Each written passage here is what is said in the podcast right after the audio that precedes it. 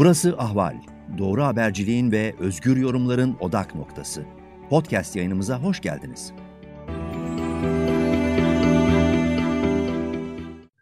Merhaba sevgili Ahval dinleyicileri. Ben Zülfikar Doğan. Yeni bir Ankara Rüzgarı'nda Türkiye gündemindeki gelişmeleri sizlere değerlendireceğim ve yorumlamaya çalışacağım. Bildiğiniz gibi bu hafta 14 Haziran'dan itibaren Brüksel'de NATO Liderler Zirvesi başlıyor. NATO'nun 2030 yılına kadar olan gelecek 10 yıllık yeni stratejisi belirlenecek bu toplantıda. Ancak aynı zamanda Amerika Birleşik Devletleri'nin yeni başkanı Joe Biden de bu toplantı vesilesiyle NATO ülkelerinin liderleriyle ilk kez bir araya gelecek. Daha önce Londra'da G7 zirvesinde bu liderlerden bazılarıyla buluşmuştu Biden. Bu kez Brüksel'de Cumhurbaşkanı Tayyip Erdoğan'ın da aralarında bulunduğu e, NATO ülkelerinin e, Cumhurbaşkanı, Devlet Başkanı ya da Başbakanlarıyla ikili görüşmeler yapacak. Bu açıdan e, Türkiye'nin çok önem verdiği bir randevu Erdoğan-Biden buluşması. Cumhurbaşkanı Erdoğan Brüksel'e hareketinden önce de bu toplantının gündemiyle ilgili bazı ipuçları verdi. Örneğin e, Patriot e, hava savunma sistemlerini Amerika Birleşik Devletleri'nin Türkiye'ye vermediğini söyledi. Bir anlamda S-400'leri bu yüzden mecbur kaldığımız için aldık demeye çalıştı ve masada S-400'lerin olacağını teyit etti. Diğer yandan F-35 savaş uçağı projesinde de e, Türkiye'nin 5 uçağın parasını ödediği halde bu uçakları Amerika'nın teslim etmediğini, verdiği sözleri tutmadığını dile getirdi. Ayrıca 24 Nisan'da e, Joe Biden'ın kendisini arayarak Ermeni soykırımını tanıyacağını e, bildirmesinden de büyük üzüntü duyduğunu, bu konudaki üzüntüsünü de yüz yüze görüşmede Amerika Başkanı'na ileteceğini ifade etti. E, ilave olarak da Afganistan'da e, NATO ve Amerikan e, çekilme kararı sonrasında Türkiye'nin kalma yönündeki eğilimini e, NATO zirvesinde Biden'la ve diğer e, NATO liderleriyle görüşeceğini ifade etti. Dolayısıyla bir anlamda üç aşağı beş yukarı konu başlıkları belli oldu. Aynı şekilde Afrin'de gerçekleşen bombalı saldırıda 14 sivilin öldüğünü de e, vurgulayarak PYD, SDG, YPG ile ilgili Türkiye'nin tezinin e, doğrulandığını örtülü bir şekilde ifade etmiş oldu. Dolayısıyla e, görüşme öncesinde Biden'a da Kuzey Suriye'de e, Türkiye'nin terör örgütü olarak tanımladığı bu örgütlere verilen desteği masaya getireceği mesajını iletmiş oldu. Tabii e, bütün Türkiye bir anlamda özellikle iktidar cephesi e, bir hafta on günden bu yana e, Brüksel'deki bu randevuya odaklanmış durumda. E, Cumhurbaşkanı Erdoğan kurmayları e, bu yönde ciddi bir takım hazırlıklar yaptılar. E, beklenti özellikle ilişkilerin yumuşaması yönündeki beklenti iktidar cephesinde e, dile getiriliyor. Dışişleri Bakanı Mevlüt Çavuşoğlu Amerika Birleşik Devletleri ile Dağlık Karabağ'da, Doğu Akdeniz'de, Libya'da, Suriye'de işbirliği e, konularının e, gündemde olduğunu söyledi. Yani bir anlamda e, Türkiye en azından askeri işbirliği vesilesiyle Biden'la biraz daha yakınlaşma e, çabasında. Ama diğer taraftan da Amerika'nın yeni yönetiminin öncelikle e, ilk sıraya e, demokrasi ve insan haklarını koyduğunu da anımsamamız gerekiyor. Dolayısıyla burada da muhtemelen ikili görüşmede Amerika tarafı bu konuyu masaya getirecek diye düşünüyorum. Diğer taraftan organize suç örgütü elebaşı Sedat Peker'in bir buçuk aydır e, peş peşe yayınladığı videolarda ortaya attığı iddialar, suçlamalar, ithamlar var. E, bir ara e, yerinin deşifre olması nedeniyle yer değişikliği yapacağını belirterek bu hafta e, açıklayacağını e, ilan ettiği videoları yayınlayamayacağını belirtti. Tabii bu farklı yorumlara neden oldu. İktidar e, bir şekilde kendisine ulaştı ve bir uzlaşı arayışı söz konusu oldu. Videolara o yüzden ara verildi. İddiaları siyasi kulislere yansıdı.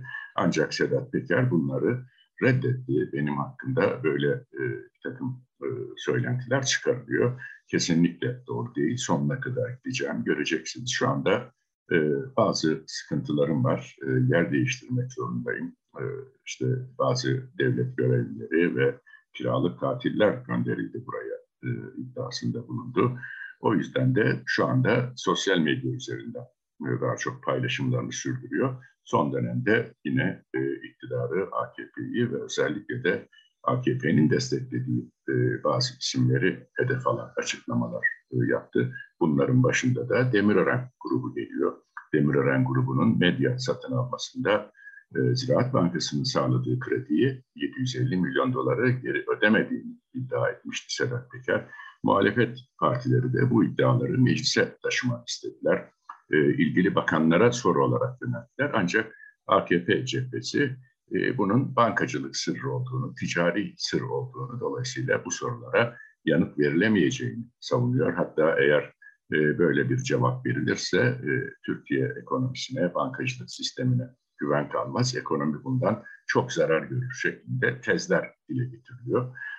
Bu hafta grup toplantısında da Cumhurbaşkanı Erdoğan doğrudan e, muhalefeti suçladı. Cumhuriyet Halk Partisi'ni suçladı. E, CHP e, lideri dedi e, bir lağımdan söz ediyor. Ancak kendileri bu lağımın içindeler. Organize suç şebekeleriyle, dış güçlerle işbirliği halinde bu senaryoyu hazırlıyorlar. Bağlantıları var dedi. E, bize e, bu şekilde bir saldırı gerçekleştirmeye çalışıyorlar dedi. Dolayısıyla bir anlamda Sedat Peker'in ana muhalefetle bağlantılı olduğunu iddia etmiş oldu Cumhurbaşkanı. E, tabii e, bu da siyasi e, kulislerde, siyaset gündeminde yankılandı. Kılıçdaroğlu'ndan oldukça e, sert yanıtlar geldi. E, kendi içinden de AKP'nin kendi içinden de bazı eleştiriler söz konusuydu. Cumhurbaşkanlığı Yüksek İstişare Kurulu üyesi, eski Adalet Bakanı, Meclis Başkanı Cemil Çiçek e, bu konuda ses yükselten isimlerden birisi.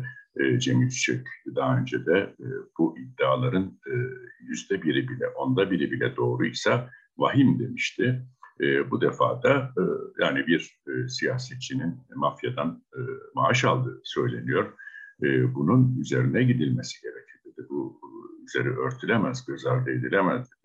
Bunun yanı sıra başka siyasi bağlantılarla ilgili olarak da meclisin e, ve savcıların, yargının e, bu işleri soruşturmaktan kaçamayacaklarını söyledi. Tabii hemen e, iktidar cephesinden ve iktidar medyasından Cemil Çiçek'e e, tepkiler gelmeye başladı.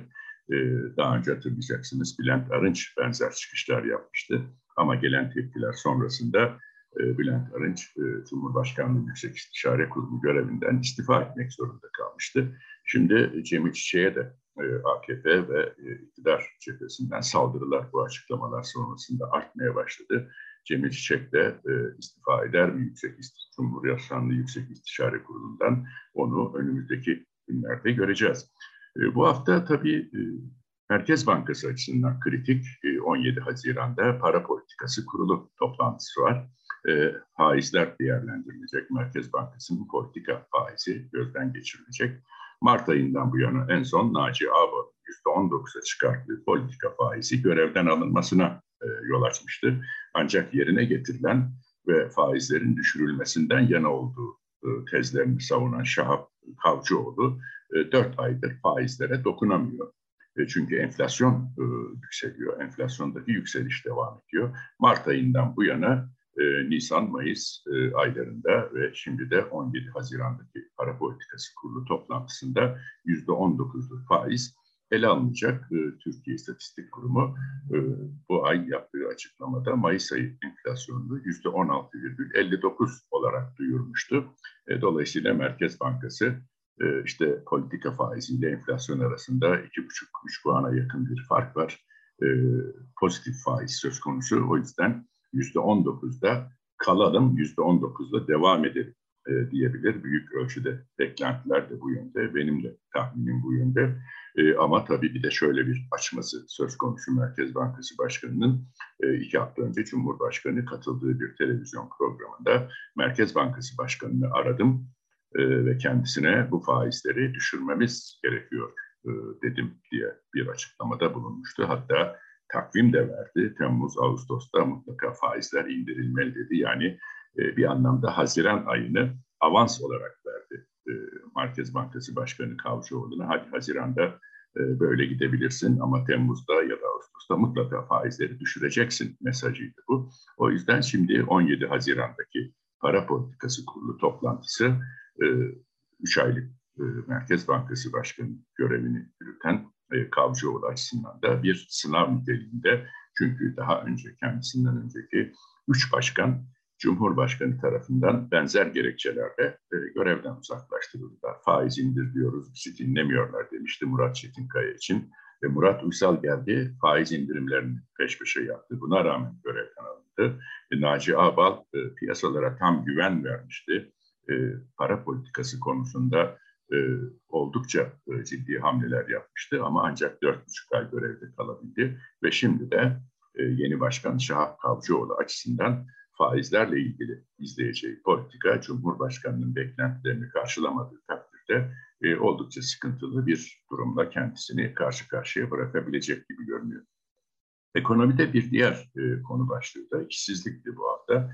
Türkiye İstatistik Kurumu e, Nisan ayı işsizlik verilerini açıkladı. %13,9'a yükseldi işsizlik oranı, resmi işsizlik oranı. Bu tabii e, son e, yılların en yüksek oranlarından bir tanesi ve son bir yılda 531 bin e, kişinin işini kaybettiğini ve işsiz sayısının 4,5 milyonun üzerine çıktığını açıkladı Türkiye İstatistik Kurumu.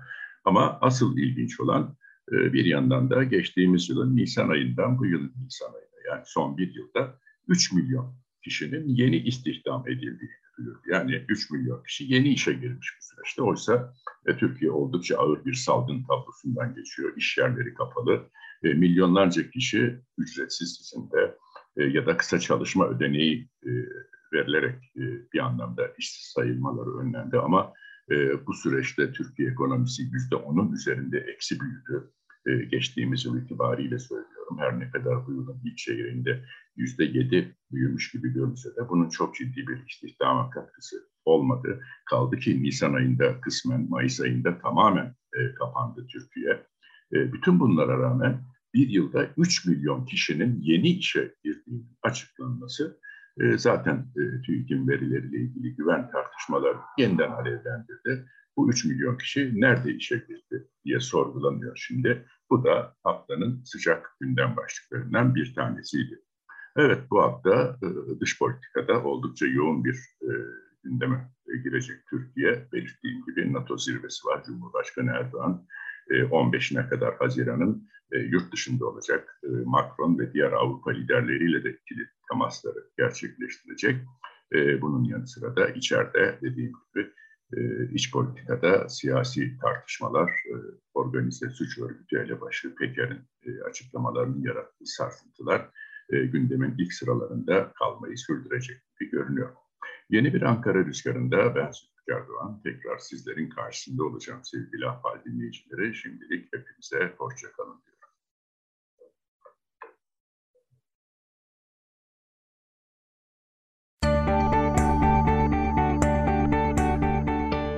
Ahval podcastlerini tüm mobil telefonlarda Spotify, SoundCloud ve Spreaker üzerinden dinleyebilirsiniz.